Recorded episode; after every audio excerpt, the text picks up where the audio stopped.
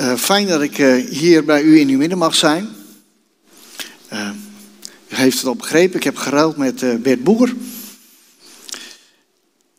Ehm, voordat ik een schriftlezing ga delen, ik werd een maand geleden geraakt door een foto.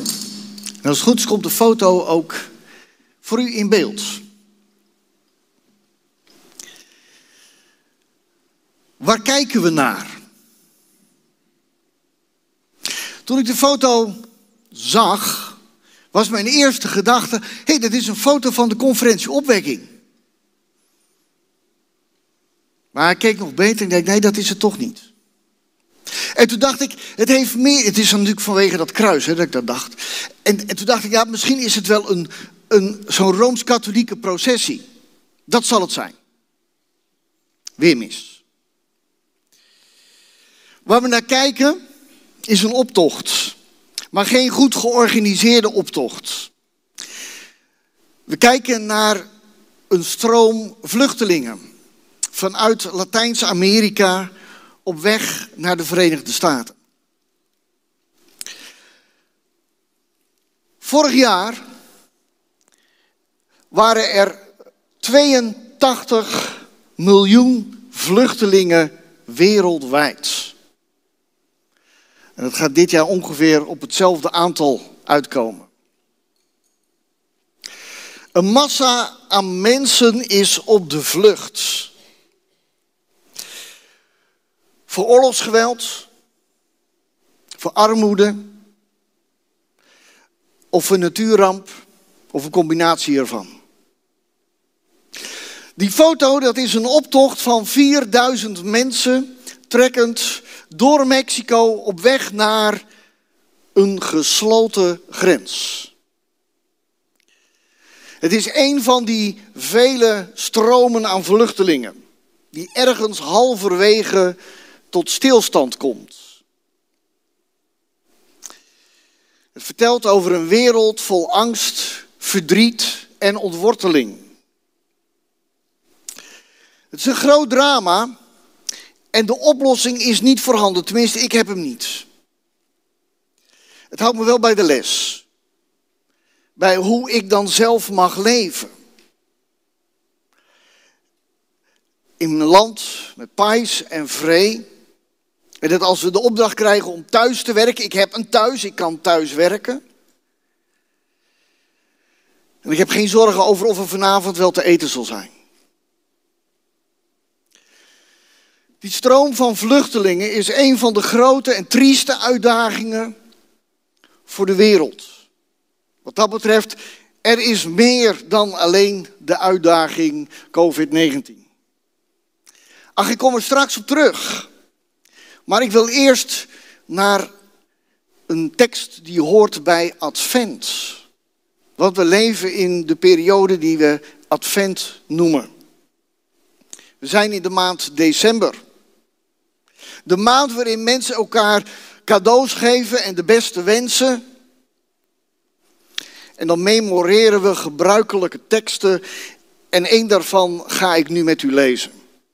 Het is Jesaja 9, vers 5. Een kind is ons geboren. Een zoon is ons gegeven.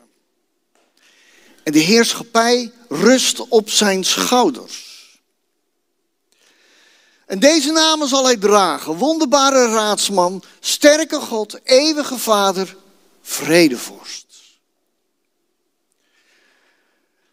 Het is heel goed mogelijk dat u deze woorden niet voor het eerst hoort, want ze worden vaak gedeeld in de maand december. En je begrijpt vast wel dat de aankondiging van dat kind hier, dat wijst op Jezus Christus onze Heer. Dat is in ieder geval mijn vaste overtuiging. De woorden van de profeet Jezaja zijn niet uitgesproken een paar jaar voor de geboorte van Jezus. Zo klinkt het eigenlijk, hè? Een kind is ons geboren. Oh, dat is dus net dat. Nee, daar zit, eh, daar zit een tijdsbestek van acht eeuwen tussen. En toch weet hij dan al te zeggen, en een kind is ons geboren. Dat staat al vast in Gods plan. En er moest nog acht eeuwen op worden gewacht. En wachten duurt lang, Hoe leefde de profeet Jezaja eigenlijk? Hoe zag zijn tijd eruit? Wel, als we spreken over het land Israël, dat was verdeeld. Een tienstammenrijk in het noorden en een tweestammenrijk in het zuiden. Dat dan Judea werd genoemd en daar woonde dan ook Jezaja. Er was sprake van, uh, van vrede in die tijd. Enige welvaart, die zou zeggen het ging goed. En toch voelden de mensen zich bedreigd. Die mensen in dat Zuidrijk die zeiden van, we vertrouwen onze buren niet. Die volken rondom. Ik, ik weet het niet, maar er ging zo'n verhaal rond van, ze, ze, ze spannen zich samen tegen ons. Vandaag of morgen en dan vallen ze ons land binnen en we, daar waren de mensen angstig voor. En wat te denken trouwens van dat veel grotere rijk Assyrië, wat even verderop lag. Wat nou als die volken rondom gaan samenheulen met, met, met dat rijk Assyrië en... En zo gingen de verhalen rond. En als de geruchten eenmaal rondgaan.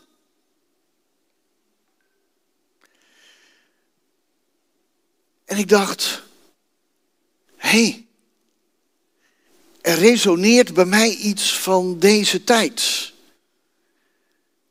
En die tijd. Er is ergens een overlapping. Maar Jezaja heeft een andere kijk op de denkwereld. En ik ga dat met u lezen. Ik ga één bladzijde terug. Jezaja 8, vers 11.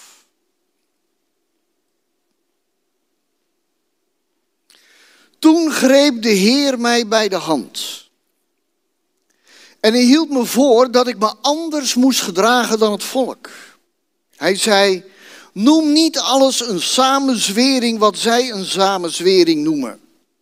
Wees niet bang voor wat hun angst aanjaagt. Heb er geen ontzag voor. Alleen de Heer van de hemelse macht is heilig. Voor hem zijn angst en ontzag op hun plaats. De profeet Jezaja had helemaal niks met de complottheorieën uit zijn tijd. Hij zegt de werkelijke dreiging. Ach, dat is niet alles wat jullie je benoemen. De werkelijke dreiging, dat, dat is dat veel grotere Assyrische volk ten noorden. Wat hongerig is naar macht, zich steeds verder uitbreidt. Maar ook dan daar hoef je niet angstig voor te zijn. Heb er geen ontzag voor. Want als we met ontzag erg verspreken, laat het dan een spreken zijn over de Heer. Daar hebben we ontzag voor. En je weet toch dat God de Heer te vertrouwen is? Zo stelde hij destijds aan die mensen. En zo stel ik het u vandaag opnieuw. Even verder zegt Jezaja in vers 17. Ik stel mijn vertrouwen in de Heer, hoewel hij zich voor het volk van Jacob verborgen houdt. Ik heb mijn hoop op hem gevestigd. Ik ben met de kinderen die de Heer mij heeft gegeven een teken voor Israël.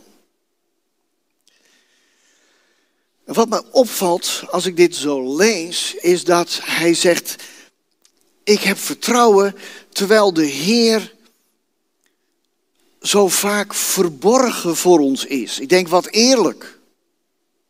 Wat eerlijk is Jezaja als hij dit gewoon maar durft te stellen. Hoe vaak is de Heer in alles wat er om ons heen gebeurt, dat we denken, en waar is de Heer dan?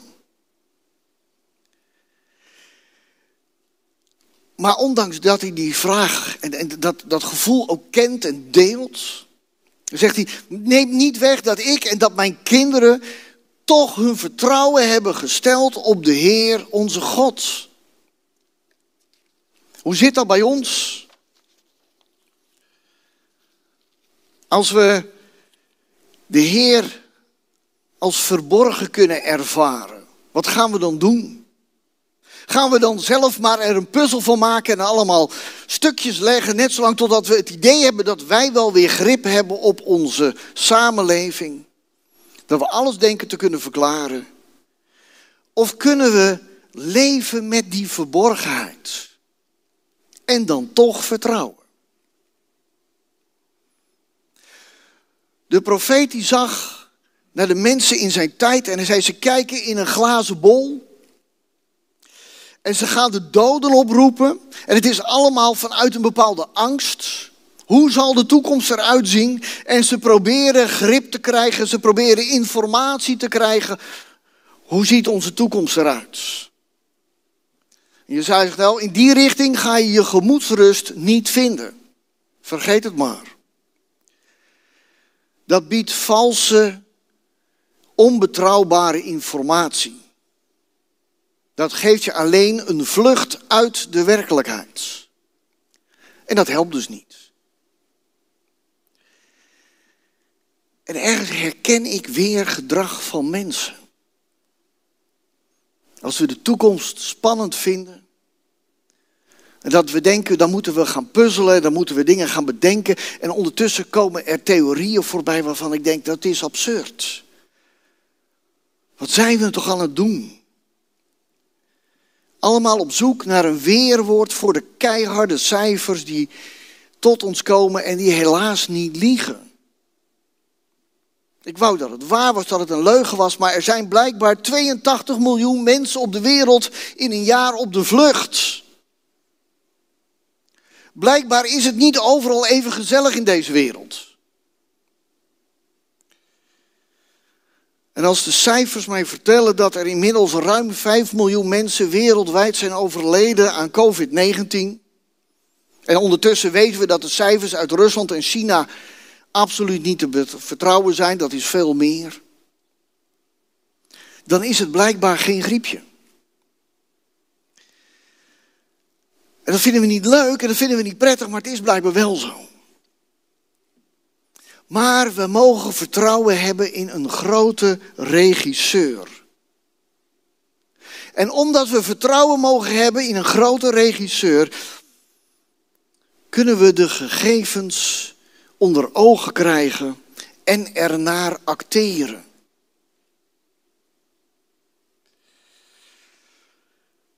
En hoeven we niet te vluchten uit de werkelijkheid. We hoeven niet angstig te worden. Want de Heer heeft het in zijn hand.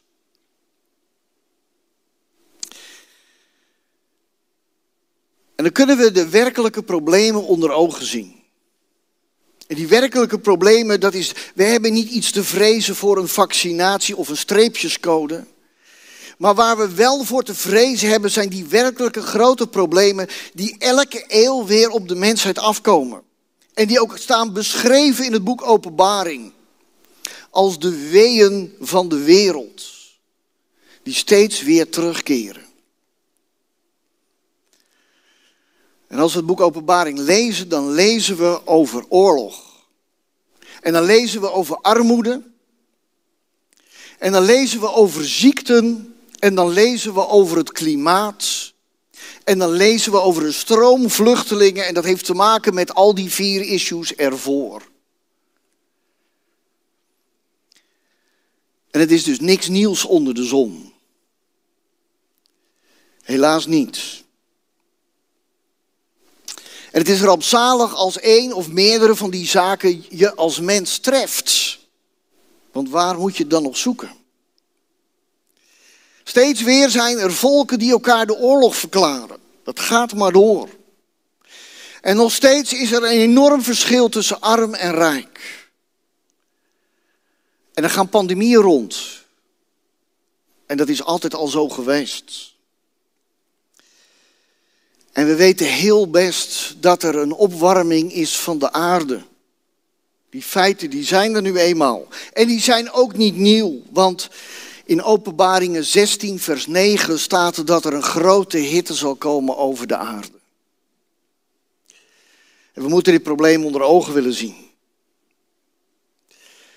We moeten daarop acteren. We moeten ons menselijk gedrag erop aanpassen. Want anders hebben we over 100 jaar Amersfoort aan zee en Apeldoorn aan de IJssel.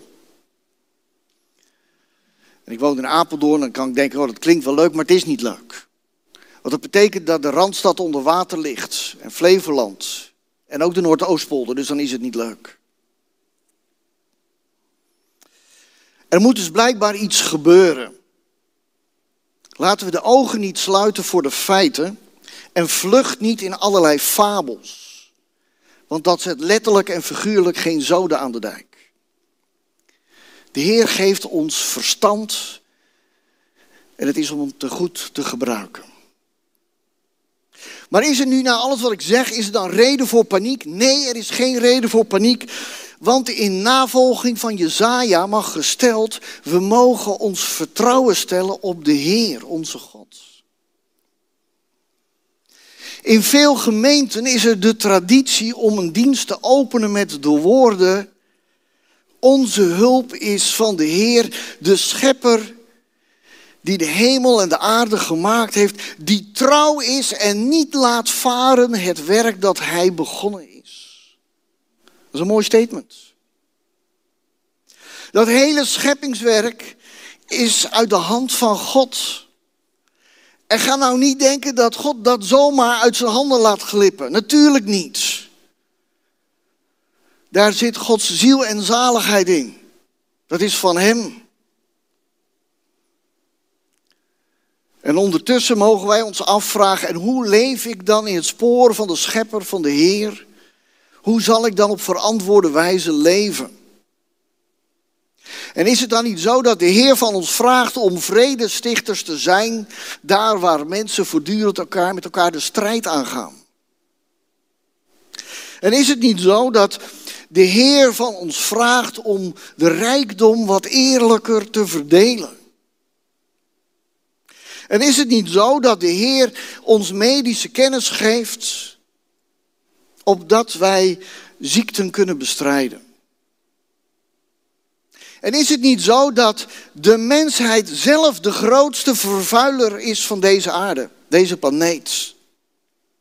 Dat is bizar, maar het is ergens ook hoopvol. Want als we zelf de grootste vervuiler zijn, dan kunnen we er blijkbaar dus iets aan doen. En is het niet zo dat we in de Bijbel de opdracht krijgen om te zorgen voor de vluchtende vreemdeling? En dan praat ik niet over de walgelijke mensensmokkelarij die daarachter schuilt. Dat mogen we wat mij betreft keihard aanpakken. Maar laten we de rekening niet vereffenen op de vluchteling zelf. Je zal zelf ooit maar eens moeten vluchten. Gaan we het redden met elkaar? Heb je er nog vertrouwen in? dan hoop ik niet dat we negatief antwoorden. Dat we zeggen, het wordt een uitzichtloze situatie. Nee, dat is het niet. Geen reden om te gaan doemdenken over de toekomst. Als ik terug ga naar de profeet Jezaja en hij zegt zijn dingen en dan sla ik één bladzijde om. En dan lezen we die tekst. Een kind is ons geboren. Een zoon is ons gegeven. En deze namen zal hij dragen. Wonderbare raadsman. Sterke God. Eeuwige Vader. Vredevorst. Dit is de richting die Jezaja aanreikt aan alle mensen van zijn tijd die angstig zijn geworden. Waar gaat het heen? En hij probeert die mensen mee te nemen voorbij de samenzweringen. Voorbij de angst voor ziekte. Voorbij de angst voor oorlog. Waar we allemaal als mens zo verstrikt in kunnen raken. Hij zegt, maar er is een krachtig antwoord op al die dreigingen. Stel je vertrouwen op de Heer. Stel je vertrouwen op dat geboren kind die zoon die ons gegeven is. Want de heerschappij rust namelijk op zijn schouders. En is het niet dat Jezus in zijn leven ons zoveel wijze, wonderbare raad geeft? Denk alleen al aan de bergreden, waarin hij zijn wijze lessen leert. En wat mij betreft, ze zijn tijdloos. En als ik denk aan de opstanding uit de dood, dan denk ik, er is geen verhaal dat meer kracht aanbiedt dan dit verhaal. Het gegeven dat Jezus de dood heeft overwonnen. We hebben het net met elkaar gezongen, Jezus overwinnaar.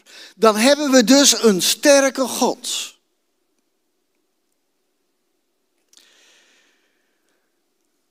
En als de Vader ons belooft dat Hij niet zal laten varen het werk dat Hij uit Zijn hand is begonnen, dan klinkt daar toch de eeuwige Vader, dan is er toekomst voor de eeuwigheid. En een totale vrede zal komen. Dat is ons beloofd. Dat Jezus terugkeert en dat hij koning zal zijn, een vredevorst. En dan denk ik, nou laat die vrede dan alvast maar groeien. In je denken, in je hart, in je lijf, in je leefomgeving. Zijn we ons aan het voorbereiden op een kind dat komt? Ik dacht even terug aan de tijd. Ik ben zelf vader van, van drie kinderen en inmiddels ook al opa van vijf kleinkinderen. En hoe werkt dat als een kind op komst is? Nou, dat weet ik wel. Dan ga je ineens van alles opruimen.